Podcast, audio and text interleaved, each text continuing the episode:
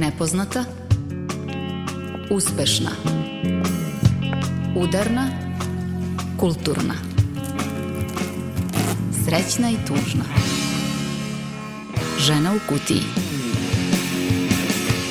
Dobar dan, još jedna sezona pred nama. Slušate Ženu u kutiji. Verovali ili ne, već šestu godinu. Neke poznate forme ne menjamo, nekim novim se prilagođavamo u hodu, ali jedno je sigurno, i dalje otvaramo socijalna pitanja na naš način. Dobrodošli! Ja sam Milica Kravićek Samit. Ja sam Tamara Sremac. Dobar dan i od mene. Ove godine Milići na selibe u Sloveniju, privremena ili stalna, to još ne znamo, ali znamo da će otvoriti nove izazove. U svakom slučaju, evo nas, nalazimo način da udružene i dalje razgovaramo o položaju žena u našem društvu. Prvu emisiju u šestoj sezoni posvećujemo našem AFEŽEU, autonomnom festivalu žena koji smo drugi put organizovale u Novom Sadu, zajedno sa organizacijom Sloboda nema cenu i aktivistkinjom Jelenom Anđelović. Milovski. Ženski kolektivi bili su u fokusu ovogodišnjeg festivala.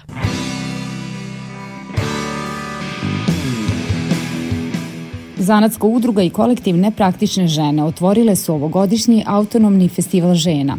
Izložba njihovih kuvarica bila u knjižari Boulevard Books, prenosimo vam deo poruka. O Afežeu na Afežeu. Šta je nama naša borba dala, tribina sa kojom smo počele priču o kolektivima i antifašističkoj borbi nekada i danas. Ponovo će se morati organizovati borba protiv i ovaj rehabilitacija četnika, belogardista, ustaša. Sve to govori o buđenju fašizma. Predstavile smo i najrazličitije kolektive koji se bore protiv nasilja prema ženama. Mapirale smo i promene koje potresaju savremenu porodicu i priču završile sa ženskim zdravljem i prevencijom.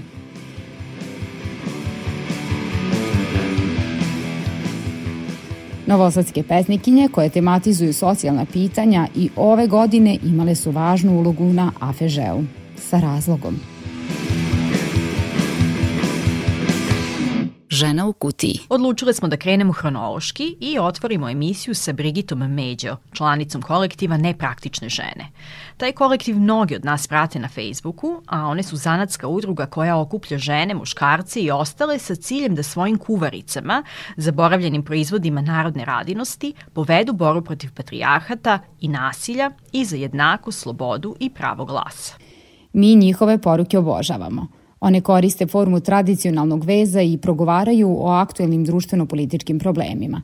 Kuvarice su, znamo, bile popularne u 20. veku. Njihova uloga tada je bila da stoje iznad šporeta, štite zid od prljanja pri kuvanju, da ne bi moralo često da se kreči. Kuvarice su imale i dekorativnu vrednost, tako da su na njima uvek bili idilični prizori iz porodičnog života, gde je kuhinja bila glavna scena, a na toj sceni bila je prikazana uvek mlada, lepa, uredna domaćica.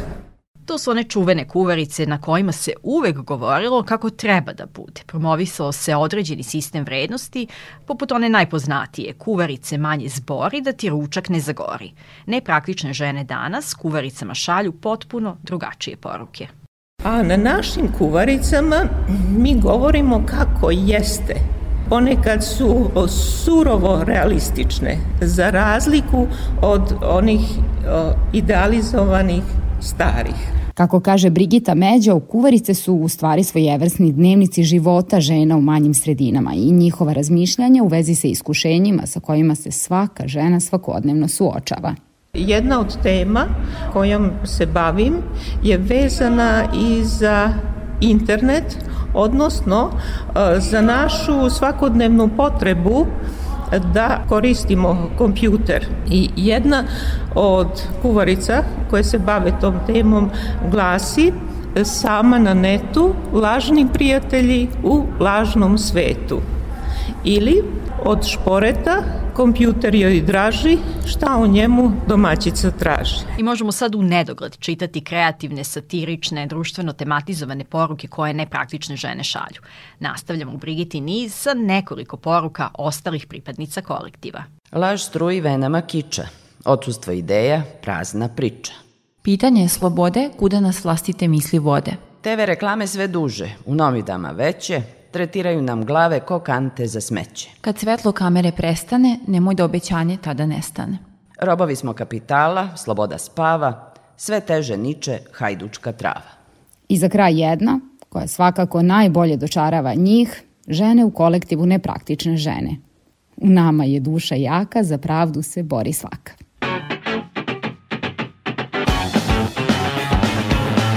Podrška za ove sjajne žene, pratite ih i na društvenim mrežama i kupite kuvarice i na taj način podržite njihov rad i borbu. Podrška je važna, a to poručuju i arbori koje slušamo u nastavku. Sad je sve u redu, valjda napuštam prazninu Isterao svoje, ispao sam glupav Važno je mora da se reši na brzinu Podrška se traži, podrška mi znači Noću je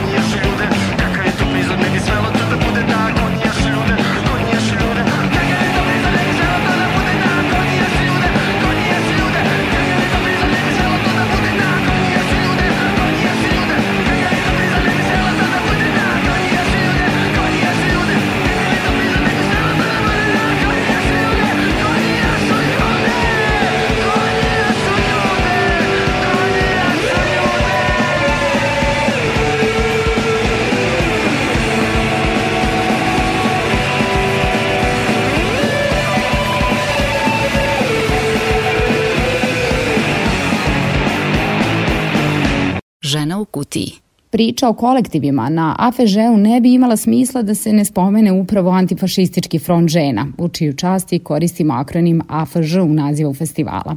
Prva tribina u Bulevar Buksu bila je upravo o tome. Uz pitanje šta je nama naša borba dala.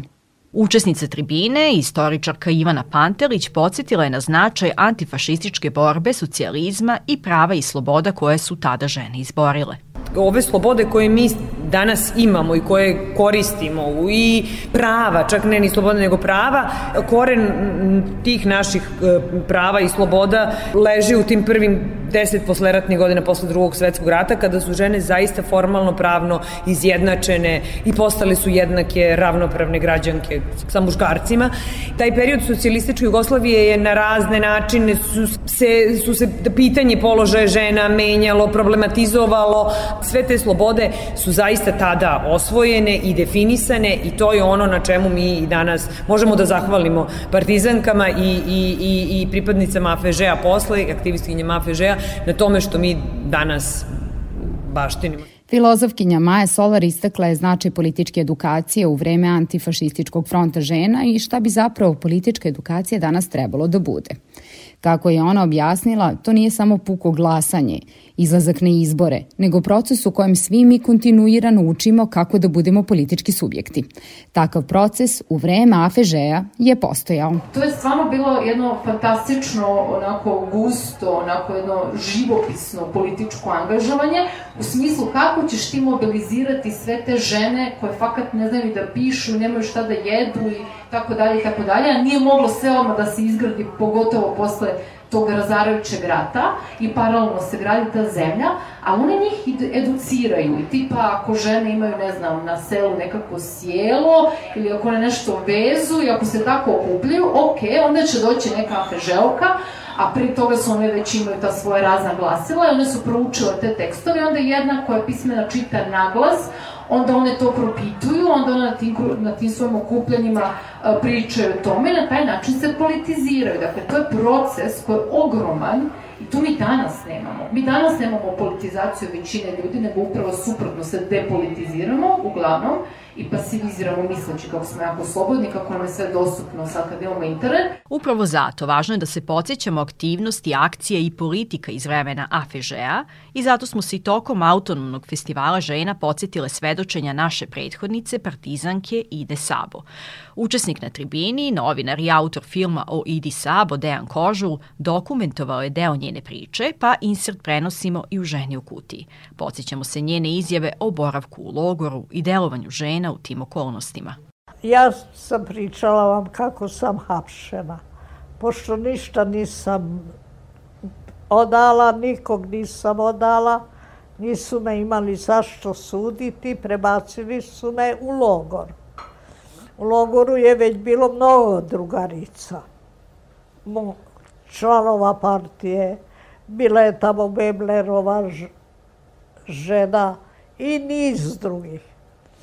I mi smo se tamo organizovali. Imali smo jedan normalan život. Italijani nisu se mešali. Nisu, recimo, kao Nemci bavili sa nama. Sem što je bio taj deči logor, gde nas nisu puštali i gde smo mi, kad god smo prošli, ako mogli, imali neki keks bacili unutra. To mi je bilo najteže u tom logoru.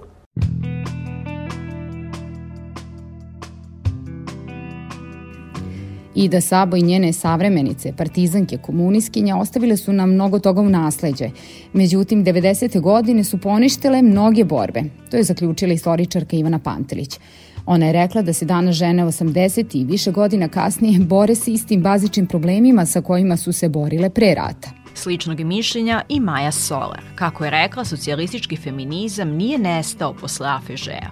Postojale su razne organizacije koje su radile na tome da prostor ženske emancipacije bude sve veći i veći, dok se sve nije urušilo sa 90. Mi sada imamo nazadnu situaciju sa savremenim kapitalizmom.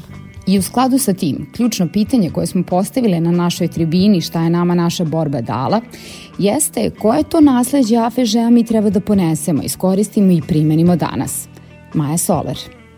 Mi nemamo ni na horizontu socijalizam, nažalost, ali ga možemo ne samo imaginirati, nego možemo i, i neke prakse koje smo naučili, ne možemo i sad copy-pastovati naravno u ovaj kontekst, ali dosta se zapravo iz istorije može naučiti, a mi smo na neki način privilegirani baš zato što imamo to iskustvo ovdje, imamo te žene neke koje su još uvijek žive i možemo još uvijek i pričati sa njima i naučiti nešto čak iz te, te naratorne istorije, dakle slušati te žene, boriti se protiv ovih revizionističkih interpretacija istorije koje su sve do jedne uglavnom antikomunističke. Pa prvo što mislim što je najvažnije što trebamo da naučimo iz tog našeg fantastično zanimljivog nasljeđa socijalističkog feminizma je to da je to bio socijalistički feminizam, a ne liberalni ili ne znam radikalni i sve ovo što smo mi sa zapada tu nešto pokušali da preuzmemo. Uh, mi smo imali i naše marksističke feministice i ozbiljne teoretičarke, možemo puno toga naučiti iz tog iskustva. O revizionizmu je govorila i velika Ida Sab. Za kraj priče o AFŽ u našoj ženi u kutiji podsjećamo se njenih reči i upozorenja o buđenju fašizma. Ja sam bila na Paliću, na otkupu, šupljak se zove. Bilo je to veoma težak zadatak i za nas, aktiviste i za naš narod od kojeg se otkupljivao. Ja sam napisala pismo mojim Slovencima. Dragi moji, ja se nalazim ponovo u ratu, ali u gorem nego onom što sam zajedno sa vama vodila. Onda smo znali protiv koga ratuje. a sad ratujemo protiv sobstvenog naroda. Prema tome, ponovo će se morati organizovati borba protiv i ovaj rehabilitacija četnika, belogardista, ustaša.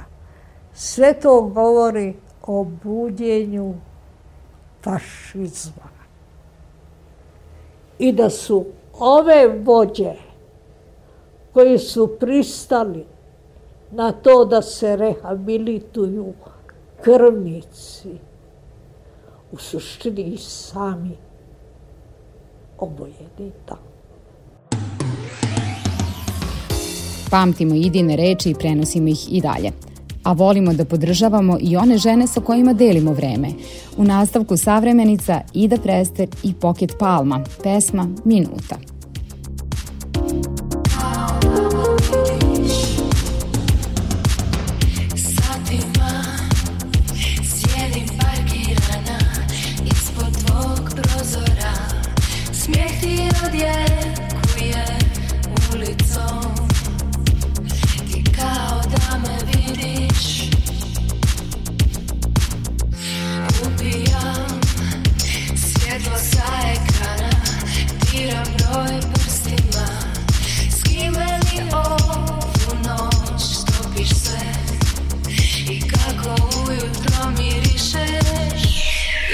Ashley.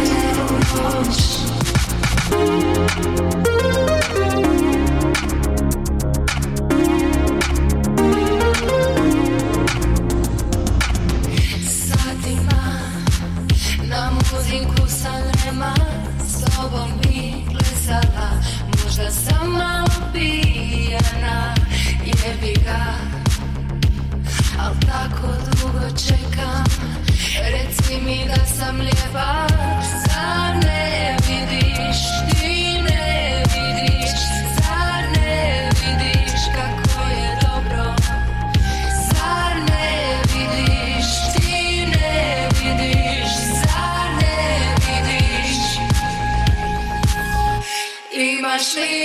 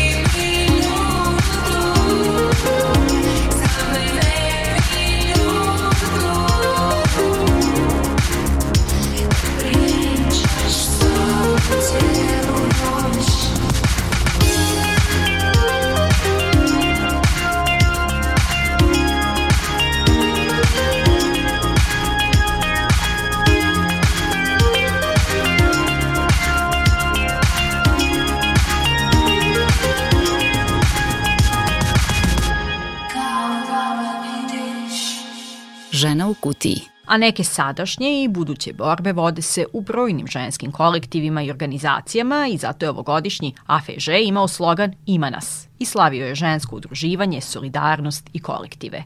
Uz nas dve, ništa manje važna, organizatorka i pokretačica Autonomnog festivala žena je aktivistkinja, dramaturškinja i pesnikinja Jelena Anđelovski svako ko je zapravo u ovoj priči posebno socijalnog rada, bilo se institucionalno, bilo se neinstitucionalne strane, mislim da, da razume zašto je važno da, da se o stvarima razgovara, o ovim svim temama našim, o principima rada koji su različiti raz, u različitim kolektivama, grupama, dakle institucijama. Važno je bilo te principe osvetliti različite susresti jedne s drugima i dati javnosti opet priliku da, da se da o tome sluša direktno, možda postoji pitanje, nešto čuje. Tako tu jeste taj, taj značaj i to je ideja da, da nekako u tom pravcu da se, da se veze uspostavljaju. Ljudima može to izgleda, ne znam, kao sad sede i pričaju, ali, ali zapravo mnoge od ovih žena se nikada nisu srele ili se ne seću dovoljno ili ne na ovaj način. I to jeste dobar moment da one progovore među sobom napokon nešto. Naš AFŽ je dakle mesto susreta žena koje se bave, svako u svom domenu, unapređivanjem ženskih prava. Jedna od tribina bila je posvećena kolektivima koji se bave pitanjima borbe protiv nasilja prema ženama. Iako svaku godinu završavamo sa poraznom statistikom kada je reč o broju ubijenih žena u rodno zasnovanom nasilju, Sadija Gicić, feministička socijalna radnica i gošća festivala, ocenila je da je napredak ipak učinjen. Da, ona je podsjetila da je od 2002. godine nasilje u porodici definisano u krivičnom zakoniku i to jeste bila prekretnica i od tada se dosta menja. Promenjen je i porodični zakon, a 2017. godine dobili smo zakon o sprečavanju nasilja u porodici. Međutim, trebalo bi još mnogo raditi na bezbednostnom planu i pitanju bezbednosti žena, dode aktivistkinja. Pa nažalost, ovaj, taj aspekt bezbednosti je e, zadužena je policija i tužilaštvo. Znači, negde tu mora da se vrši dobra procena rizika. To je vrlo važno, jer nije dovoljno samo izdati nalog za iseljenje i zabranu prilaska, nego je vrlo važno ako da se proceni koji je rizik. Ako je visok rizik, može se odrediti i pritvor, znači mogu se iće neka druga, ja nisam pravnica, ali prosto postoje drugi mehanizmi gde policija i tužilaštvo koji su uskoj saradnji znaju šta mogu da primene. U nekim situacijama žrtva se mora izmisliti iz tog prostora ako policija i tužilaštvo ne mogu da obezbede njenu ovaj, bezbednost. Tako da je tu vrlo važna procena bezbednosti i to moraju da rade sve institucije. Kako smo uvek orijentisane ne samo na mapiranje problema, nego i na potencijalno traženje rešenja, pitanje na toj tribini bilo je šta možemo još uraditi kako bi se sistemski rešio problem nasilja prema ženama. Ivana Zelić iz organizacije iz Kruga Vojvodina smatra da je najvažnije početi na vreme. Rad u školama je izuzetno važan zato što vi morate sa mladima da radite iz tog perioda još osnovne škole i srednje škole, od, od momenta kada oni ulaze u neke partnerske odnose, znači da šta je okej okay, šta nije okej. Okay. Znači raditi sa mladima, raditi na društvenim mrežama, zato što vrlo često kada imate neki medijski članak koji se odnosi na nasilje, nažalost najveći kritičari su vam ta publika koja to čita i vrlo nemilosrdni prema ženama koje su bile žrtve. Znači, mislim da se mora raditi i ta edukacija i mislim da je zapravo i edukacija i radionice jesu poželjne i naročito i sa svi zajedno da to radimo. Ali moja nekako nada i želja a, i vera da će se to promeniti jeste da se uključe oni koji nisu senzibilisani. Znači, mi imamo na svim tim događajima jedan isti krug ljudi koji se vrti, jedan isti krug žena koje su već sjajne i već odlično rade svoj posao i mi već pričamo istim jezikom. Nama promiču oni drugi. Edukacija od vrtića. To je na ovu priču dodala i nadovezala se Sadija Gicić. To je stvarno važno, jer nekako onda kad se rađaju te generacije, kad te generacije krenu da ovaj, žive rodno ravnopravno, onda ćemo imati humanije društvo. Meni je posebno zanimljivo to što nas je feministička socijalna radnica podsjetila i na praksu Švedske i Finske u kojima upravo edukacija kreće od vrtića. Nehumano je da budemo neravnopravno društvo, nije u redu. E, ravnopravna društva idu napred. Neravnopravna društva su, nažalost, Afganistan. Ako želimo da budemo Afganistan, onda treba da budemo neravnopravni. Ako želimo da budemo Finska, onda treba da budemo ravnopravni i treba od početka da ovaj, budemo u toj priči. Zaista je i na festivalu i sada nemoguće bilo spomenuti sve kolektive koji svakodnevno vode borbu za bolje društvo. Zahvalnost ide svim ženskim nevladinim organizacijama, institucijama, dakle i formalnim i neformalnim kolektivima, ali i novim kolektivima na društvenim mrežama, internetu i mim stranicama. U njihovo ime govori Bojana Kovačević. Ćao Afaž, ja sam adminka ženska posla Biba Bibuba. Mi smo mimerki. Ima jako mnogo brutalnih mimerki. Sve su to vještice, a, Crack in the City, a, ptice za odromanije i ja bih volela da ima još više mimerki.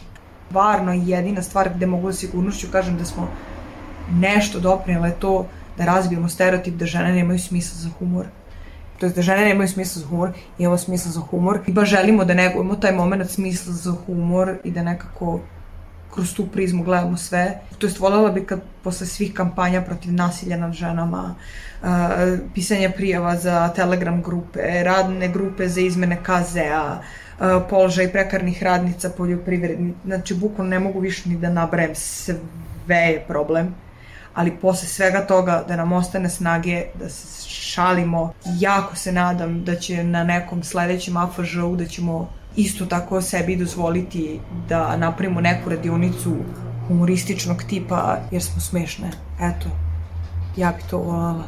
Još jedan kolektiv nama važan i same smo njegov deo jeste grupa novinarke protiv nasilja prema ženama. To jeste ženski kolektiv i njegovu važnost objašnjava novinarka Jovana Gligorijević, jedna od osnivačica grupe. Grupa novinarke protiv nasilja prema ženama svakako jeste kolektiv i to ženski kolektiv. Međutim, kada pričamo o grupi u ovom kontekstu, mislim da je ono što je najvažnije naš kolektivni napor kolektivni napor da se poboljša kvalitet izveštavanja o rodno zasnovanom nasilju i način na koji to radimo zapravo jeste uh, kolektivan, a on se odvija tako što stalno i u realnom vremenu pratimo šta se događa na planu medijskog izveštavanja o ovom problemu, uh, analizom tog sadržaja i davanjem određenih preporuka koje treba da budu korektiv i to korektiv pre svega nama samima kao novinarkama koje o ovom fenomenu izveštavaju, potom i e, čitavoj medijskoj sceni i na posledku korektiv čitavom društvu kada je reč o tome kako se odnosimo prema fenomenu nasilja prema ženama. Žena u kutiji a dijalog o kolektivima na FEŽE-u nastavili smo u priči o porodici kao kolektivu, svim problemima koji potresaju savrovenu porodicu, našoj spremnosti da prihvatimo sve oblike partnerstva u kojima žive ljudi u Srbiji i da propitujemo ulogu žene u porodici. I u savremenom dobu porodica se vrlo lako prihvata patriarhalnih obrazaca. To je rekla psihološkinja Jasmina Mihnjak, urednica portala Bebac. U praksi kada dođe beba na svet, nužno se vratimo u taj neki patrijahalni oblik funkcionisanja porodice, jer je negde tradicija, ta, tradicija još uvek tu za nama i ja bih to poredila recimo sa nekim periodom puberteta, kao da smo svi mi u nekom pubertetu, dobili smo odjednom pravo na slobodu, ali ne znamo baš da se snađemo u njoj. I onda kada dođu te neke situacije koje su izazovne, koje nas poljuljaju, kada dođu te neke krize, mi se vraćamo na ono što je nama poznato. A poznato nam je to što smo gledali od naših majki, poznato nam je to što smo gledali od naših baka.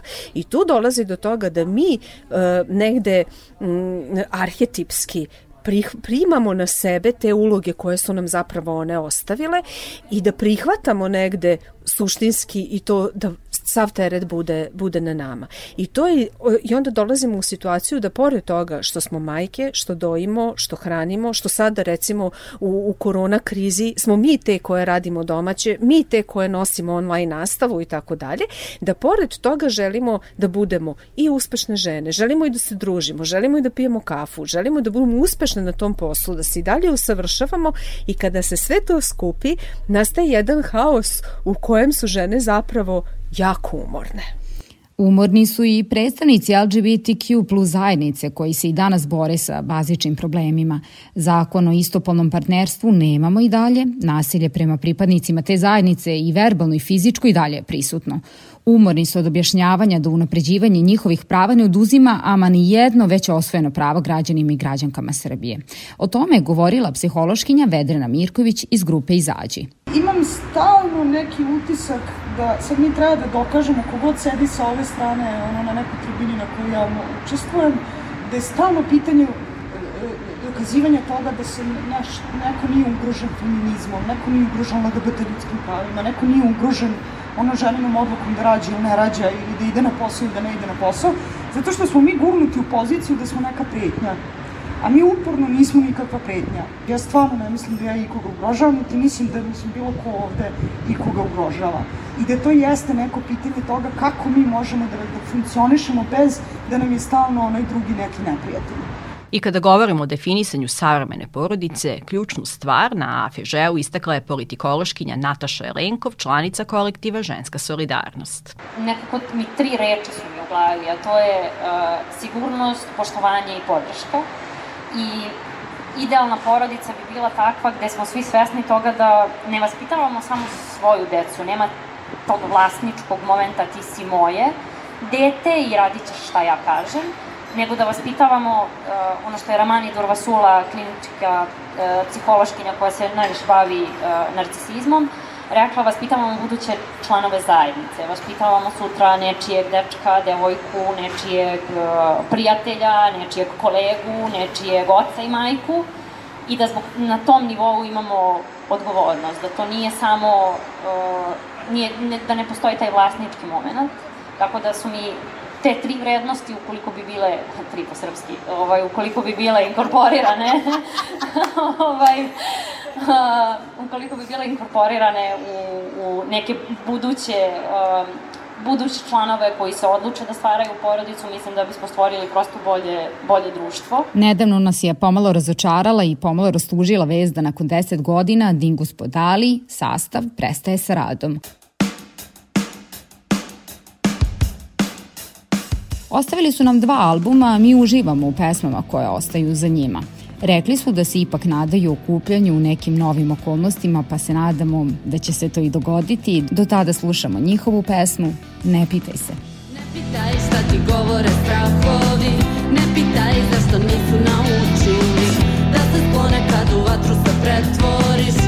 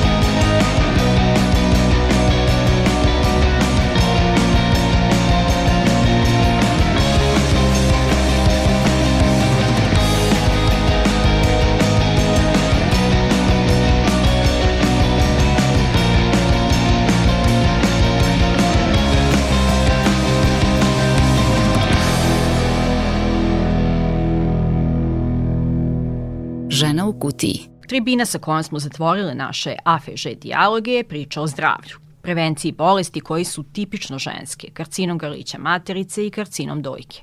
Otvorili smo pitanje šta nas sprečava da odlazimo na preventivne preglede i koliko smo daleko od toga da zdravlje i prevencija postanu sistemski, a ne stvar pojedinca i koliko je u ovoj priči važna uloga kolektiva – Marija Ratković iz Centra za biopolitičku edukaciju Biopolis je praktično sublimirala važnost borbe na svim frontovima koji su spomenuti tokom ovogodišnjeg AFŽ-a, od mim stranica do institucija, preko pop kulture, teatra, obrazovanja, ali i kulture razgovora u porodici.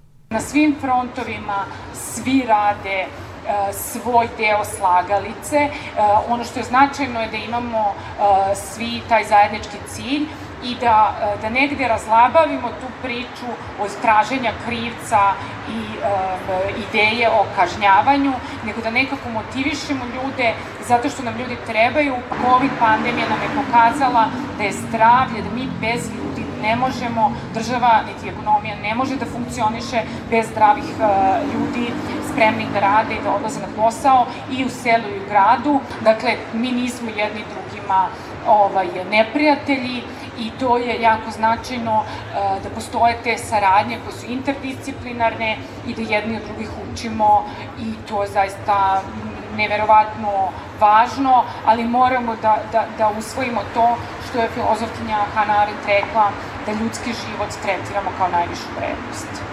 Poentirala je i doktorka Snežana Ukropine iz Centra za promociju zdravlja Instituta za javno zdravlje Vojvodine, koja je istakla i važnost uvođenja seksualnog obrazovanja u školama. Kada bismo to uveli, ne samo da bismo imali dobre resurse i za pronatalitetnu politiku, pozitivnu, dakle, rađanje, nego bismo imali zaista uh, obrazovane ljude koji bi znali da pravimo koristi zdravstvenu zaštitu, koji bi ne bi to radili sa strahom i nuždi, nego redovno. Zato nam je to važno. I uz sve navedeno, ali i uz screening i diagnostiku, važno je mobilisati javne ličnosti koje su se osnažile da progovara o svojim iskustvima. Doktorka Dragana Đilas, radiološkinja, istakla je da će na taj način informacije pre stizati do nas i pokrenuti žene na akciju.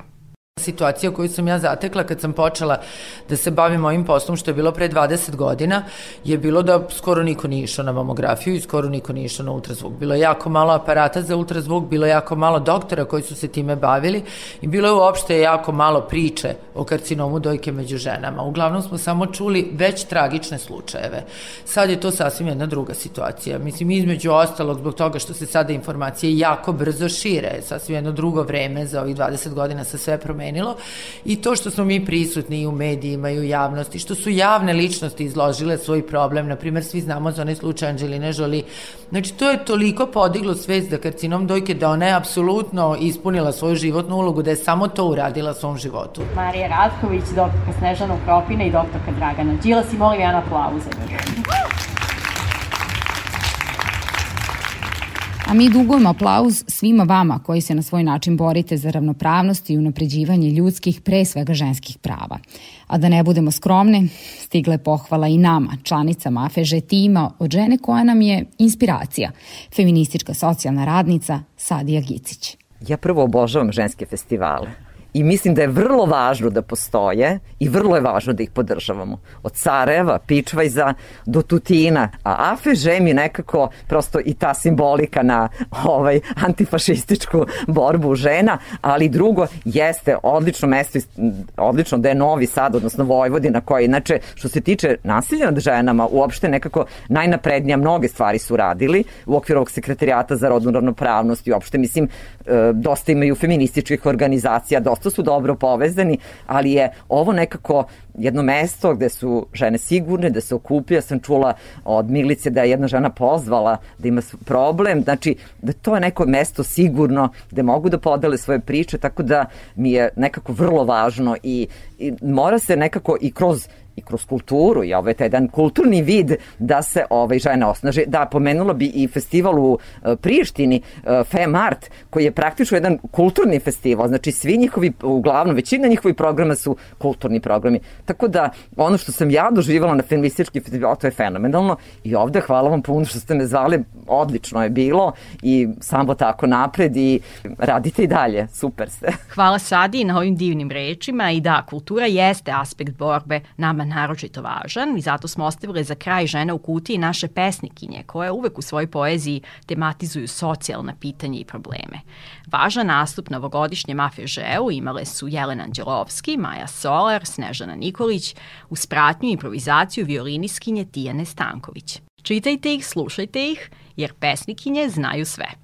Sve pesme koje ću ja pročitati su potpuno nove, nikad ih nisam čitala ja, javno. Idemo, Jelena. Zove se Atomski mir. Od svih napora, opranog veša, pa radi na TV-u, pa radi kod kuće, psovke, pijani tata i samo čuju bla, bla. I one uopšte nisu tu da im bilo ko može nauditi. Pita se, koliko puta u životu je ponovila gimnastiku sitnih pokreta? Za prašinu, za ringle, za podove, kadu, WC, šolje, pločice, ogledala, ormare, police, ladice, čoškove do kojih je najteže dopreti. Koliko puta pranje suđa. Rečenicu je pritisnula jače. Vene su se tako raširile da sam pomislila, evo, ismočit će sad iz svojih malih korita i moje telo će šiknuti. Pesnikinja! Pesnikinja! Pesnikinja! U slučaju neodgovarajuće tumačenja, dopisati. Bravo,